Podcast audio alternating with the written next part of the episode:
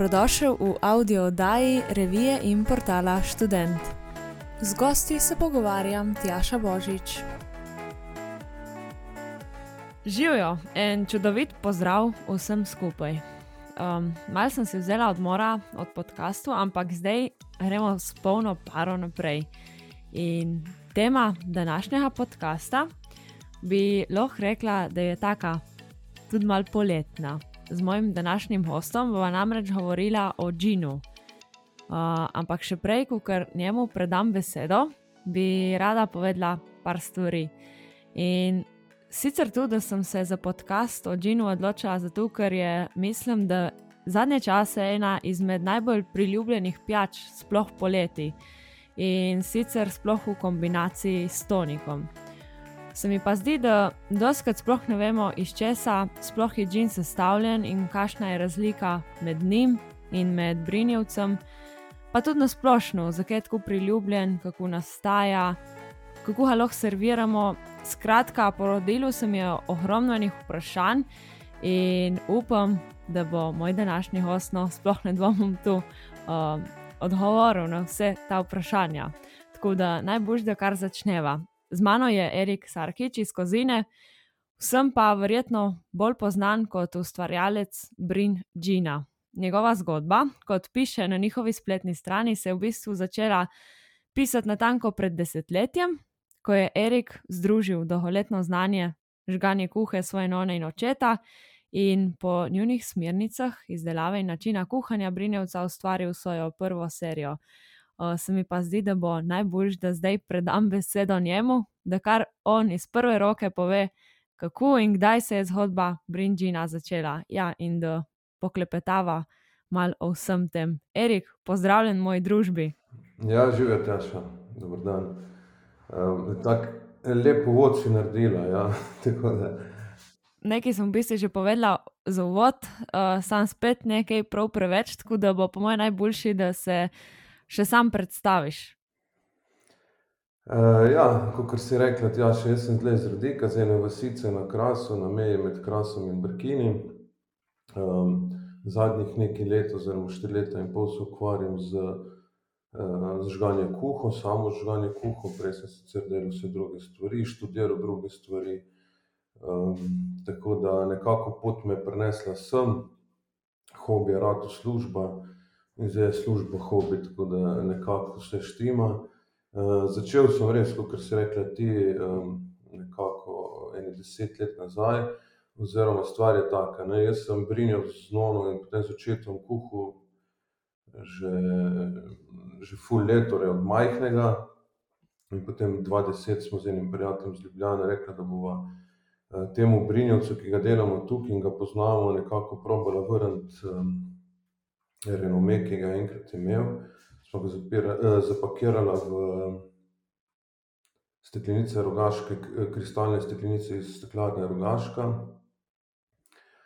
Uh, in nekako zgodba se je potem odvijala naprej. Pr, kdo mi je rekel, da pač brinjec je džin, džin je brinjec, zgor dol. In potem me je začel zanimati, kaj ta džin je, kako se ga dela. In ne, zdaj delam džin, oziroma se ukvarjam s proizvodnjo izdelavo džinov. Ma povej mi za začetek, kaj džin sploh je. Na vaši spletni strani sem prebrala, da džin velja za pijačo pomorščakov in mornarjev, zadnja leta pa se zdi, kot da je džin tudi pijača slovencev. Um, iz česa je sestavljen in odkje izvira?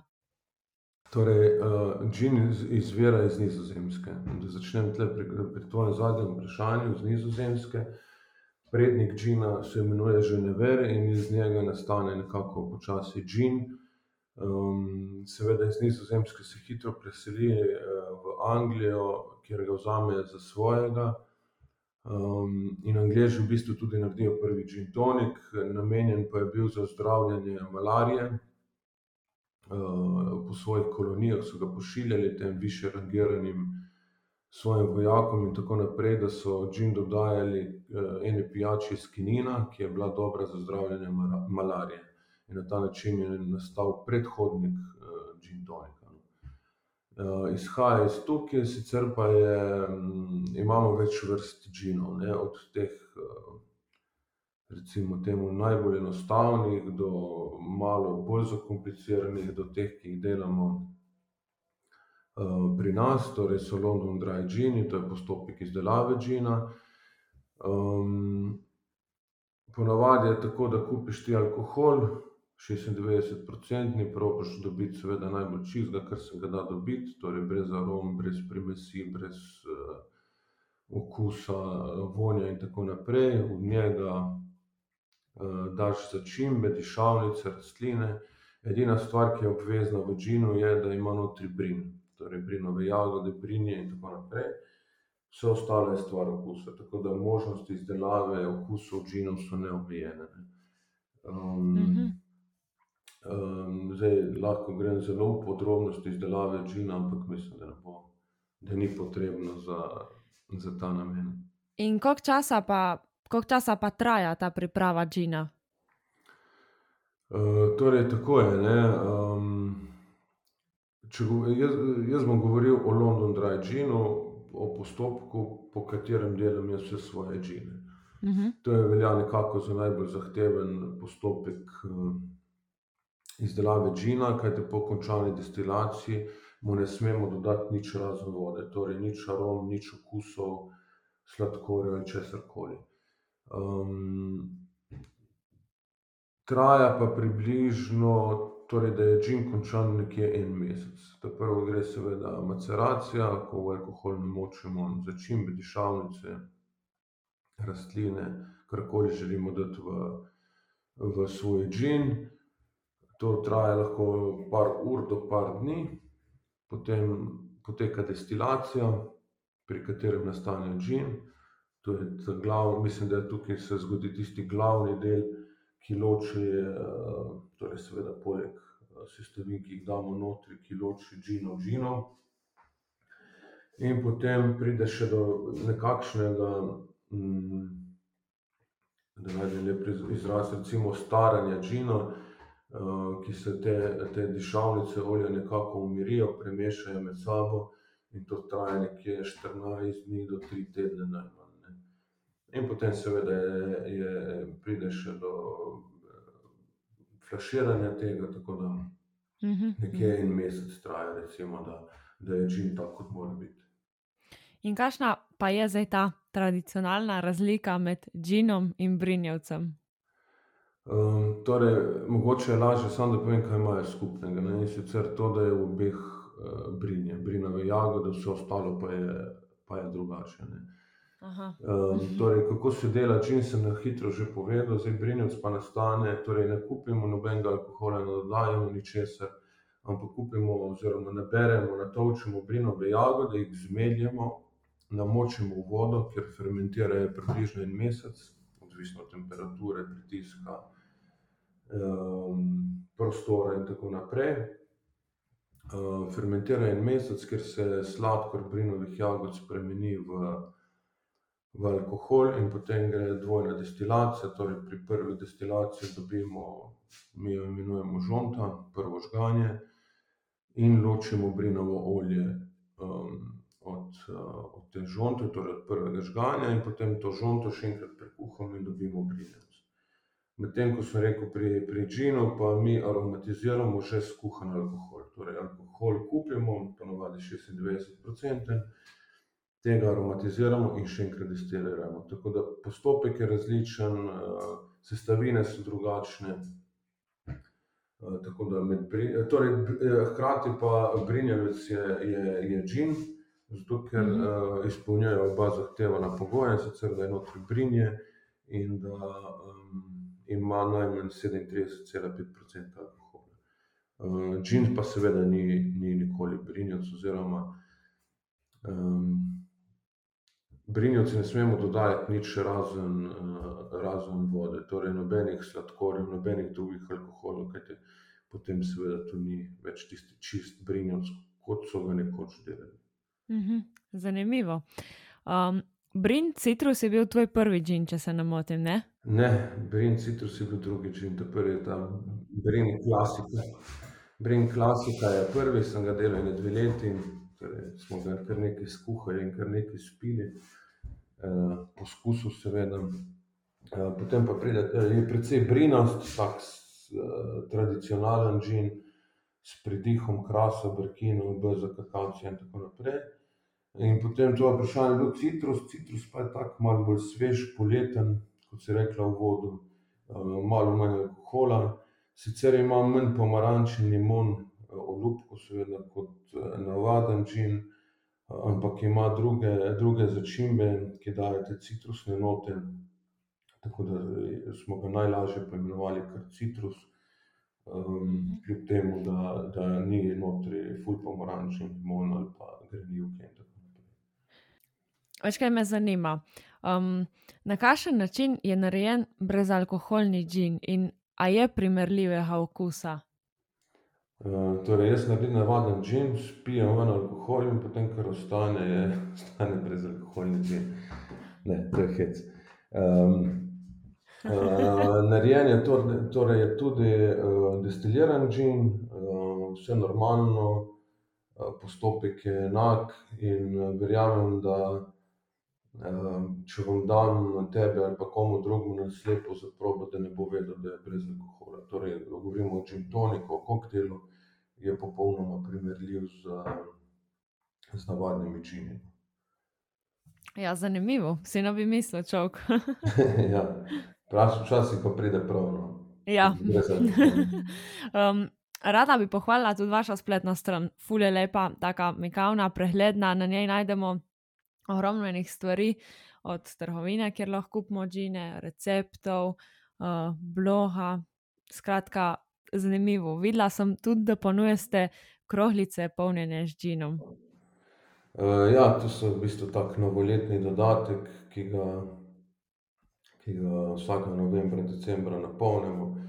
Tako da si lahko na, na, na jelko obesite gin. Namesto balončkov. Namesto balončkov, tako je. Če sva zdaj že pri tem, kje vse se lahko gin uporabi, povej, kaj vse lahko pripravimo iz gina? Različne sladice, koliko različnih koktajlov, imaš kakšen recept, kar ti je še posebej pri srcu? no, torej v kuhinji ga lahko uporabimo povsod, ja, dejansko so, ne vem, sladice ga enostavno uporabimo, potem tudi, če, če kuhamo kaj drugega, kakšno meso ali pa kaj takšnega, kamor se uporablja alkohol, ga komot nadomestimo s, za kakšno drugo pijačo. Kar se pa koktajlov tiče, pa je seveda uporaba neomejena, ne, ponavadi ga ljudje ne pijemo toliko samega, ampak ga vedno uporabljamo za koktajle. Pač najbolj znan je ta gin tonik, seveda. Meni najljubši pa je tudi en zelo enostaven koktajl, ki ga je, ki ga imenujemo Tom Collins. tak znan koktajl, precej enostaven, torej daš notri nula pet, gina, nula dva, sladkornega sirupa oziroma sladkorja, nula dva limone, limoninega soka in potem daš še malo radenske zraven, kakšen deci, deci in pol. Fejst ohladiš.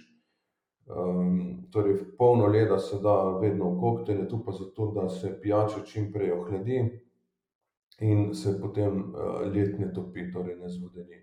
Tako da če vam dajo kdaj v gostilni ful leda, tisti znajo, zakaj delajo, ne pa zato, ker so škrti oziroma nočejo dati za gin tonika.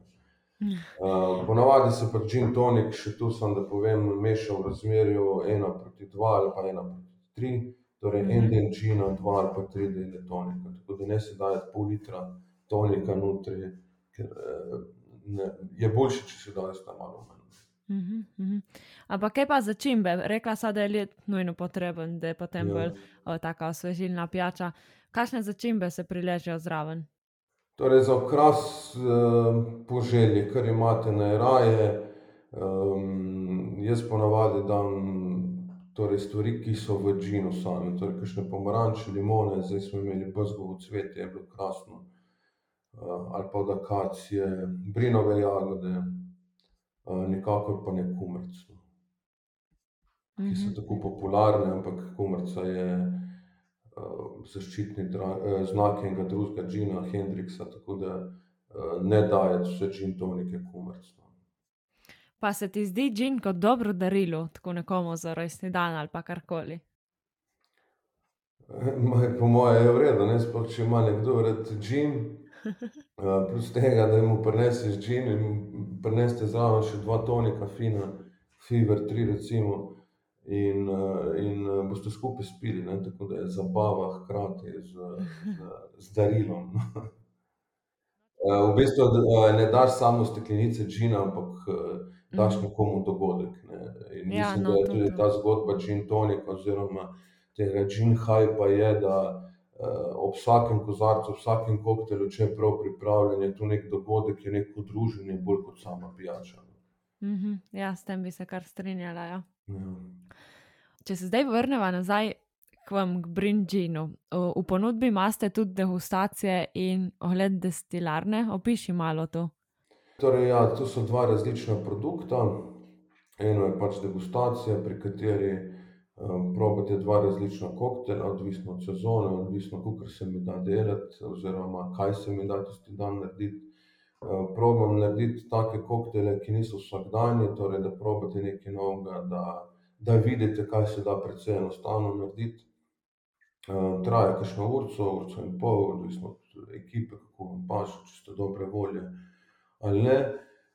Povem o izdelavi gina, o izdelavi Brin gina, o zgodovini gina, tako da eno tako kratko predavanje oziroma, ni, da je neki monolog, da vam jaz tam razlagam samo vsem.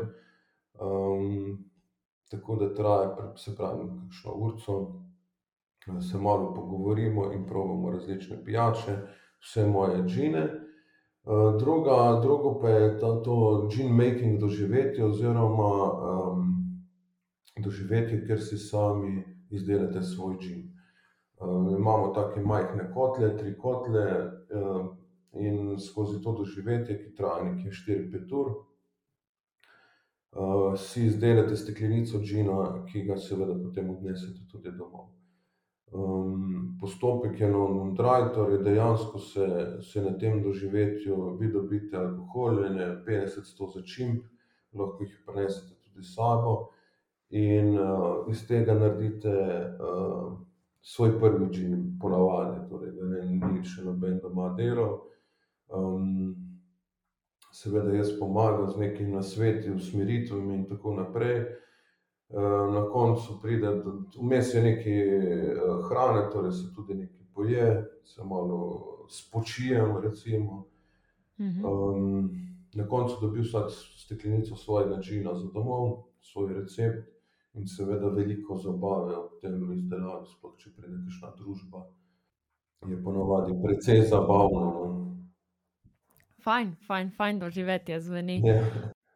Poleg dela v destilarni pa verjetno zadnje čase, velik del prevzema tudi objavljanje in aktivnost na družbenih omrežjih. Se s tem ukvarjaš sam ali ni časa?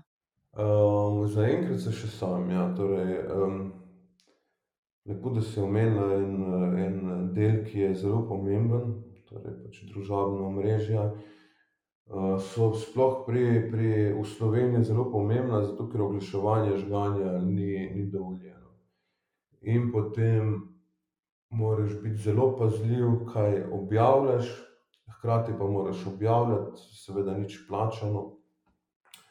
In na ta način, predstaviti stvari svojim, strankam, ljudem, ki te spremljajo, ki, ki imajo radi tvoje pijače. Tako da zelo pomemben vidik, zaenkrat, saj pravim, zaenkrat se s tem tudi sam ukvarjam, tako da, ne vem, tudi, tudi skozi to se nekaj naučiš, kar pa pripomore potem, k sami promociji oziroma prodaji konec koncev tudi stvari, ki jih delaš, no. Ja, mislim, res je. Rada bi pa tudi omenila, oziroma če se boljše izrazim, pohvalila vse vaše dosežke, ki jih verjetno res ni malo. v Dutovljah na festivalu ste prejeli zlato priznanje, saj res? Ja, nazadnje zdaj smo dobili v Dutovljah, ja, ke je ta Gin Brin festival, smo dobili dve zlati medalji za oba gina, ki smo jih poslali na ocenjevanje.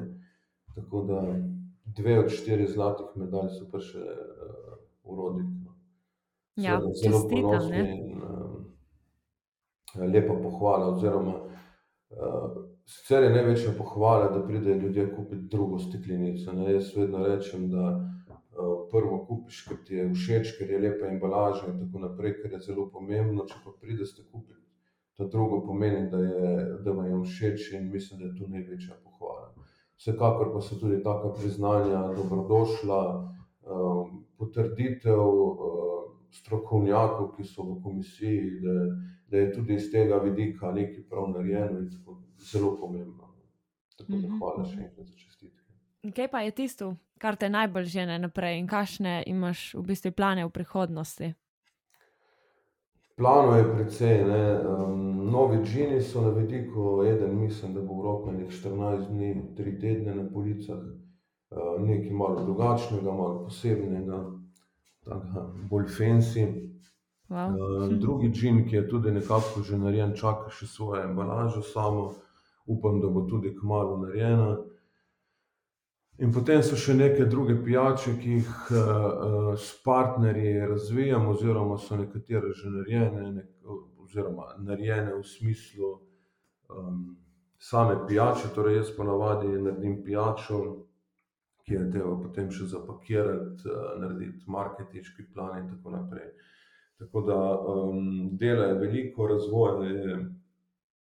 Eh, tudi veliko. Tako da zdaj, če se šteje, ena, dva, tri, štiri pijače nove prihajajo, v, mislim, da vse še letos bojo na policah. No.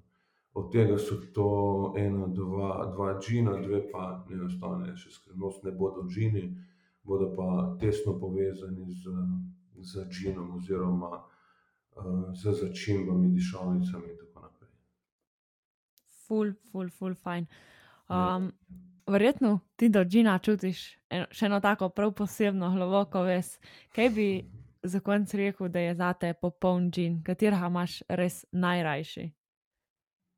Uh, če bom rekel, da mojega, sicer se ne bom zlagal, ampak je tako. Je, uh, džin je seveda stvar okusa, ogromno je dobrih džinov, uh, slovenskih, tujih. Tako da ni, da bo še kot ta imeni najboljše enkrat ti pa še en, na morju ti pa še drugi, uh, po zimi tretji in tako naprej. Tako da nekega perfektnega ni, uh, univerzalnega. Torej, perfektni so v tistem trenutku, ne? zdaj univerzalnega ni. Tako da dajte probe, dajte čim več probe, naredite si različne koktele. Uh, probite sami džine, ki je tudi eno posebno doživetje. Tako da um, Važno je, da se čim več naučimo, da se izobrazimo o džinu, o pijačah, o pripravi in tako naprej. Uh, in potem bo, bo lažje za vse, za vas, ki, ki eh, ste pivci džina, ne, eh, in za nas, ki smo proizvajalci džina, um, je, je lažje, da vsi čim več vemo o tem. Um, tako da, dajte piti, seveda, v, v zmernih količinah. Um, in um, uživati, sploh zdaj poleti, ki je nekako uh, sezona džina. Recimo. Ja, um, super, Erik, um, iskrena hvala za ta čudovit pogovor. Moram reči, da sem res uživala in se tudi naučila ogromno enih novih stvari. Sem tudi sama namreč velika ljubiteljica džina. Uh, tako da nisem še probala važa, ampak moram nujno probati. No, Tako da vas lahko povabim, tebe, Tjaš, in tudi ostale, da pridete na degustacijo, da probeste tisti, ki niste še probali, če ne pa uh, v kar nekih gostilnah po Sloveniji se da probati. No, super. Um, Erik, hvala še enkrat. Um, in ja, želim ti še ogromno uspeha naprej, res. Hvala. Ja. Tjaša, hvala za, za povabilo na ta pogovor in seveda na zdravje in čim manj. Ja, čim. Lajkaj, šeraj, komentiraj. In nam povej, kaj bi rad slišal v prihodnih audio oddajah. Ideje lahko najdeš v reviji Student in na spletnem portalu www.student.com.